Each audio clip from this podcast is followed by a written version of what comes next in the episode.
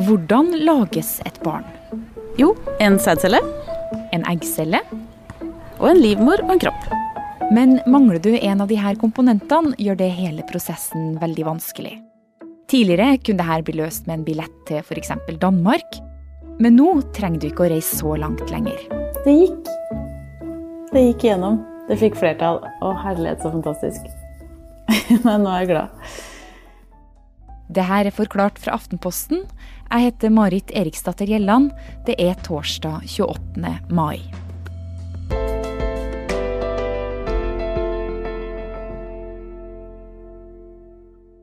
Som 20-åring så hadde jeg nok antageligvis sett for meg at uh, jeg som 40-åring i hvert fall kanskje hadde ett barn. Uh, kanskje ganske sånn tradisjonell familie med mann og barn. Og ja, den typiske vanlige A4-livet. Renate sitter i gresset. Blondt hår, grå overdel og et kult brunt sommerskjørt med knapper fra livet og ned. Hun er 40 år, singel og barnløs. Jeg tenker jo i utgangspunktet at jeg har et veldig godt liv. Jeg har stort nettverk, øh, fin familie, en god jobb som jeg liker. Eh, men øh, så mangler det veldig øh, det med familieaspektet, rett og slett. Hva er det med familieaspektet som mangler? Hva det, jeg, jeg, ønsker meg barn, rett og slett. og for et, ja, et kanskje to år siden, så trodde jeg at jeg kom til å få det. Men, men så ble det samlivsbrudd isteden. Eh, og da måtte jeg gå en runde med meg selv og tenke hva er det Hva vil jeg gjøre med det, da? Eh, så jeg hadde på en måte to valg. Å innfinne meg med at det kanskje ble for sent. Og, eller å ikke vente og heller bare gjøre noe med det. Så da valgte jeg egentlig det siste. Eh, og ja, jeg eh, turte rett og slett ikke å satse på at jeg skulle møte noen i tide. For det går jo litt ut på dato, dette. ja. Inntil denne uka har det ikke vært lov for single damer med sæddonasjon i Norge. Så derfor har hun vært mye i Danmark det siste året. Jeg har eh, vært i Danmark og eh, gjort det som heter inseminasjonsforsøk. Dvs. Si uten hormoner og uten noe ekstra hjelp, bare med donor. Eh, fordi det var det jeg ble anbefalt å gjøre før jeg eventuelt gikk videre på IVF eller hormonbehandling. Da. Så det har jeg prøvd. Um, og det har ikke gitt resultat hittil. Og mens Renate har forsøkt å få barn i Danmark, så har det pågått en heftig debatt her i landet, som du sikkert har fått med deg. KrF har satt at alle skal stemme i tråd med egen samvittighet, så det har jeg tiltro til at de vil gjøre. Jeg frykter jo et samfunn der du i gåseøyne får et jag etter det perfekte. fordi nå er det eh, trisomier som en eh, kan avdekke, senere så er det andre typer egenskaper. Så Lederen i Bioteknologirådet han, han stilte spørsmål i, i Danmark. På noen private klinikker så er det visstnok mulig å kunne velge kjønn. Det krangelen har stått om, er bioteknologiloven. En lov som både skal sikre at vi får god, moderne medisinsk behandling, men òg beskytte oss fra for mye tukling med menneskekroppen. De reglene som nå er vedtatt, finnes allerede i land som Danmark, Sverige og Spania. Det har gått 16 år siden forrige gang Norge gjorde store endringer i bioteknologiloven vår. Hvorfor skaper endringene så mye debatt når andre land har hatt det sånn i mange år? Vi har vært opptatt av å bidra med informasjon og kunnskap for å opplyse debatten eh, om de alvorlige konsekvensene som de foreslåtte endringene fører til, bl.a. gjennom å åpne for et sorteringssamfunn og frata barn rett til å kjenne sin mor før det er 15 år. Og du er jo liksom en eh, dame, du prøver å få barn, og så er det jo masse folk som har meninger om det her. Eh, politikere og, og alt mulig. Synes hvordan, liksom, hvordan oppleves det liksom, eh, at de bestemmer din skjebne, liksom? Nei, akkurat nå de siste dagene har jeg opplevd det veldig urettferdig. Sånn er det jo litt da med politikk. Altså, det blir jo bestemt ting jeg ikke er enig i, men dette går veldig på akkurat hvordan jeg skal leve mitt liv. Um, og alle de andre som prøver på det samme, da. Så det har føltes veldig urettferdig at noen få, som det kanskje kan være i dette tilfellet, sine meninger skal ha den impacten det har på mitt liv. Jeg forstår veldig godt eh, at det finnes mange sider av dette. Det er jo kjempesårbart, og det er barn vi snakker om. Eh, men samtidig så syns jeg det er veldig provoserende den delen av debatten som går på eh, hvilke signaler vi sender ut for hvordan vi skal innrette våre familier. At det er mor, far og barn som er det eneste rette. Det provoserer meg veldig. På hvilken måte da? Jeg mener at to foreldre i seg selv og det, deres kjønn er jo ingen garanti for at det er barnets beste i seg selv. Jeg tenker at et barn har det best der det får omsorg og trygghet og den kjærligheten det trenger. Og det kan være ikke biologisk, og det kan være biologisk, og det kan være to, det kan være én, og det kan være to mødre, og det kan være to fedre. Og det kan være en landsby, for den saks skyld. Det her er en sak som har vært eh, konfliktfylt i norsk politikk i årevis. Eh, den er eh, full av veldig sterke følelser og ulike verdisyn som kolliderer, med vanskelig hensyn til hvilken plass skal mennesker med Downs syndrom ha i samfunnet, og hvilken rett til informasjon skal den enkelte gravide ha. Men på tirsdag så kom altså et flertall på Stortinget til enighet likevel. Vi er straks tilbake.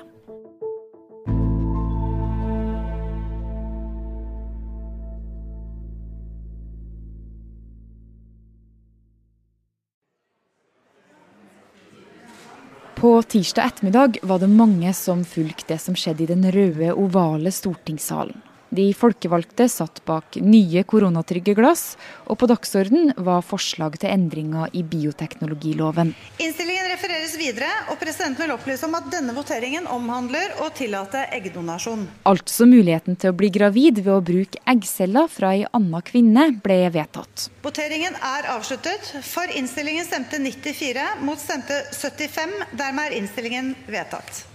Sæddonasjon for enslige kvinner ble lov. Dermed er innstillingen vedtatt. Tidlig ultralyd ble lov. Det samme blodprøven NIPT, som kan avdekke sykdom hos fosteret. Nedfrysing av egg eller sæd er nå mulig for alle, og det ble lov å bruke sæd fra en død ektefelle eller samboer for å bli gravid. Innstillingen vedtatt. Dette er en uh, veldig stor endring av uh, bioteknologiloven. Uh, det handler ikke bare om de sakene vi har hørt mye om nå, altså de omstridte sakene om eggdonasjon og, og assistert befruktning for enslige. Kjetil Alstadheim er politisk redaktør her i Aftenposten, og fulgte med på debatten og avstemminga i Stortinget på tirsdag. Jeg tror den berører oss en, og politikere på en annen måte, fordi det er noe som eh, du kan eh, som blir mer personlig og du kan forholde deg til mer direkte enn f.eks. en skatteendring eller mange andre lovendringer. Eh, de, de, kan, de, kan, selv tenke seg inn i situasjonen. Hvilken informasjon ville jeg ønske å ha tilgang på hvis, hvis jeg ble gravid? Hva betyr dette for, for familier som har barn med Downs syndrom? Hvordan vil de oppleve en sånn lovendring? Sånn at det blir, eh, blir veldig lett å, å, få et personlig engasjement i det. Eh, for Kristelig Folkepartis del så handler det om eh, denne kampen mot det de kaller sorteringssamfunn. Og de er opptatt av at det er et verdispørsmål, men det er jo et verdispørsmål også for de som står på den andre siden og sier at kvinner som blir gravide har rett på informasjon og gjøre sine egne valg. Selv om endringene i bioteknologiloven handler om grunnleggende verdier, så har de fleste partiene egentlig ønska å endre loven lenge. Men de små partiene har satt en stopper for det. For sju år siden, i den rød-grønne regjeringa, satt Senterpartiet ned foten. Og da Kristelig Folkeparti gikk inn i regjering i fjor Det var en lettet Erna Solberg som kunne fortelle at KrF nå blir en del av en flertallsregjering med Så fikk de veto. Men siden da har det skjedd en del i Solberg-regjeringa.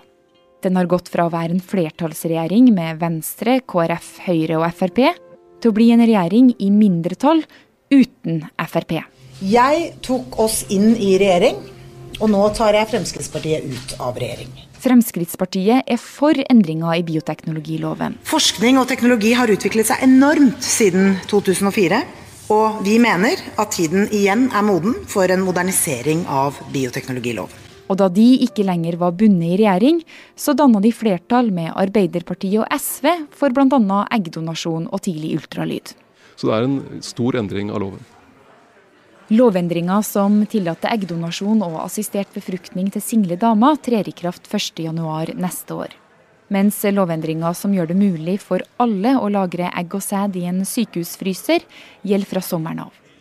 Men det politiske dramaet rundt saken er ikke over ennå. Det er jo noen etterdønninger her eh, av eh, stor skuffelse i Kristelig Folkeparti og spørsmål om hva dette betyr for forholdet mellom eh, regjeringspartiene og Fremskrittspartiet.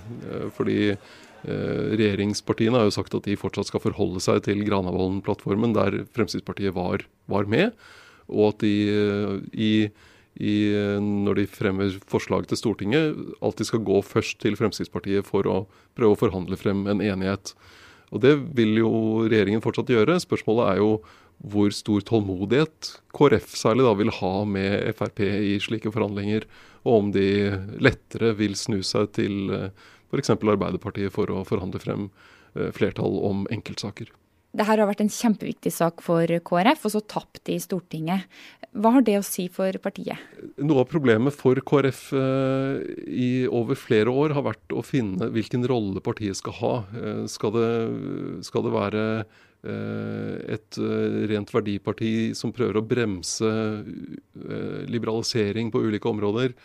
Se på, på, kampen for homofiles rettigheter, der KrF bremset alt de kunne i årevis. Og så kommer partiet, flytter seg sånn 10-15-20 år etter resten av samfunnet. Og Spørsmålet er om det er, er nok for partiet, eller om de, de, trenger noe annet for å vise hvorfor de er viktige da, i, i, dagens samfunn. Og der, er, der har de eh, de kunne snakke mer om klima, men der møter de konkurranse fra Venstre, fra Miljøpartiet De Grønne, fra SV. De kan snakke mer om flyktninger. Der møter de konkurranse fra noen av de samme partiene. Så er det noe for KrF å finne hva er det som er unikt KrF. Hva er det som gjør at KrF oppleves som viktig og relevant for, uh, for mange nok velgere. da.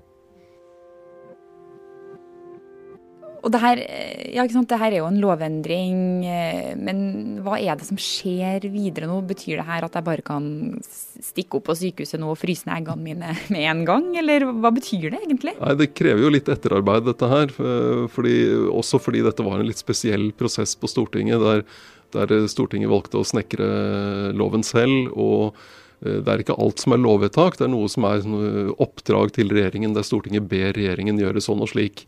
Så dette må konkretiseres, og det må, eh, det må prioriteres. Finne ut av hvor kommer pengene fra, hvilke helseressurser er det vi skal bruke her. Er det noe annet vi da skal prioritere ned i helsevesenet? Så det blir en, en del runder i etterkant. Dette er ikke helt over. Så her har jeg ferdig innkjøpte hormonsprøyter som jeg nå faktisk ser ut til å kunne få brukt før de går ut på dato. Før Norge stengte ned 12.3, så skulle Renate til Danmark for å begynne arbeidet med å sette inn et befrukta egg. Sånn gikk det jo ikke. Men nå håper hun at behandlinga heller kan sette i gang her, hjem i Norge. Det gikk. Det gikk igjennom. Det fikk flertall. Å, herlighet, så fantastisk. Men nå er jeg glad. Ah, det var på tide, men eh, jeg tok det virkelig ikke for gitt. Så mm, dette er en stor seier, syns jeg. Selvsagt for meg personlig. Men uh, det var jo ikke bare dette som gikk gjennom. Uh, så jeg syns det er mange ting som er veldig bra for kvinnehelse generelt, som har gått igjennom i dag. Og så blir jeg veldig glad for alle som har samme drøm som meg, som nå får flere muligheter. Og så syns jeg det er en seier for anerkjennelsen i samfunnet for at det er flere måter enn én å være familie på, som også kan være like bra. Så hurra for det.